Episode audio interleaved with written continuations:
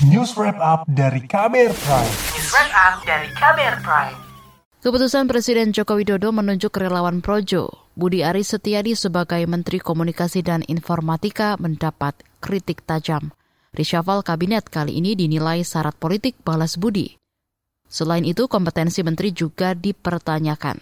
Selengkapnya dalam laporan khas KBR disusun jurnalis Heru Haitami bahwa saya bahwa saya akan setia kepada akan setia kepada Undang-Undang Dasar Negara Republik Indonesia Undang-Undang Dasar Negara Republik Indonesia tahun 1945 tahun 1945 serta akan menjalankan serta akan menjalankan segala peraturan perundang-undangan segala peraturan dan perundang-undangan dengan seluruh-seluruhnya dengan seluruh-seluruhnya demi dharma bakti saya demi dharma bakti saya kepada bangsa dan negara. kepada bangsa dan negara. Presiden Joko Widodo belum lama ini melantik sejumlah anggota kabinet baru yang akan bertugas di sisa masa jabatan hingga 2024. Ada beberapa posisi menteri dan wakil menteri yang dilantik Jokowi. Salah satu yang dilantik Jokowi adalah Budi Aris Setiadi yang sebelumnya menjabat wakil menteri desa. Budi ditunjuk sebagai Menteri Komunikasi dan Informatika menggantikan Johnny G. Plate yang terseret kasus korupsi proyek BTS 4G. Jokowi memerintahkan Budi Ari memprioritaskan penyelesaian proyek BTS. Di Kominfo, penyelesaian BTS itu harus diutamakan. Penyelesaian hukum silahkan berjalan, kita hormati proses hukum, tetapi penyelesaian BTS-nya juga harus tetap berjalan. Karena nanti menyangkut pelayanan kepada masyarakat, terutama di daerah-daerah terdepan dan tertinggal. Jangan sampai kita sudah apa itu ada peristiwa hukum, BTS-nya juga terbengkalai. Ini yang saya nggak mau, ini tugas beratnya di situ. Usai dilantik Menteri Kominfo yang baru, Budi Ari Setiadi masih irit bicara soal program kerja unggulan yang akan ia kerjakan. Ia hanya menyebut empat garis besar fokus kerjaan yang sebelumnya juga dilakukan menteri sebelumnya. Yang pertama infrastruktur digital, yang kedua pengendalian terhadap platform-platform yang meresahkan masyarakat dari mulai hoax, radikalisme dan sebagainya.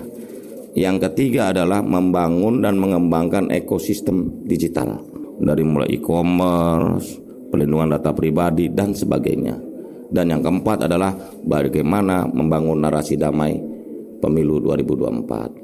Jadi itu fokusnya. Nanti mana yang mau dikerjakan tapi itu kan garis besarnya kan. Saat ini Budi Ari masih tercatat aktif sebagai Ketua Umum Projo, organisasi relawan yang mendukung Jokowi sejak 2014. Budi Ari bukan satu-satunya pendukung Jokowi yang masuk kabinet kali ini. Nama lain adalah Paiman Raharjo, Ketua Umum Komunitas Relawan Sedulur Jokowi yang mendukung Jokowi dari sejak pemilihan Gubernur DKI hingga pemilu Presiden. Paiman Raharjo ditunjuk sebagai Wakil Menteri Desa.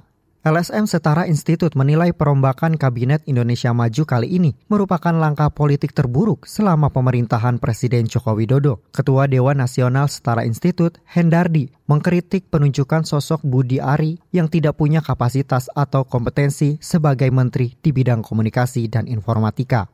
Lembaga Hikman dan Kebijakan Publik PP Muhammadiyah menyebut penunjukan Budi Ari sebagai Menkominfo syarat politik balas budi. Ketua LHKP PP Muhammadiyah Rido Alhamdi menilai ada tendensi politik balas budi dalam pelantikan Budi Ari. Ya jelas itu kenapa memilih Projo kan kelihatan sekali sebagai bentuk mau tidak mau tidak bisa kita pungkiri politik Indonesia ini kan ya memang masih tidak bisa terlepas dari politik uh, hutang budi Projo yang sudah menggerakkan Jokowi dua periode.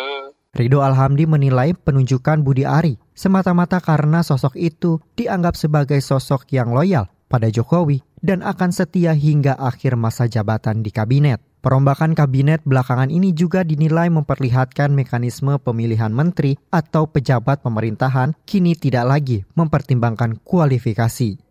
Itu disuarakan analis sosial politik dari Universitas Negeri Jakarta, Ubaidillah Badrun. Sebetulnya kalau posisi Menkominfo itu dipegang oleh profesional yang memiliki kapasitas dan uh, betul-betul menguasai bidang uh, yang terkait, menurut saya jauh lebih bagus untuk menghindari satu apa kesan negatif di akhir pemerintahan uh, Jokowi. Jadi saya kira ini makin persepsi publik pada pemerintahan ini semakin makin kurang baik ya.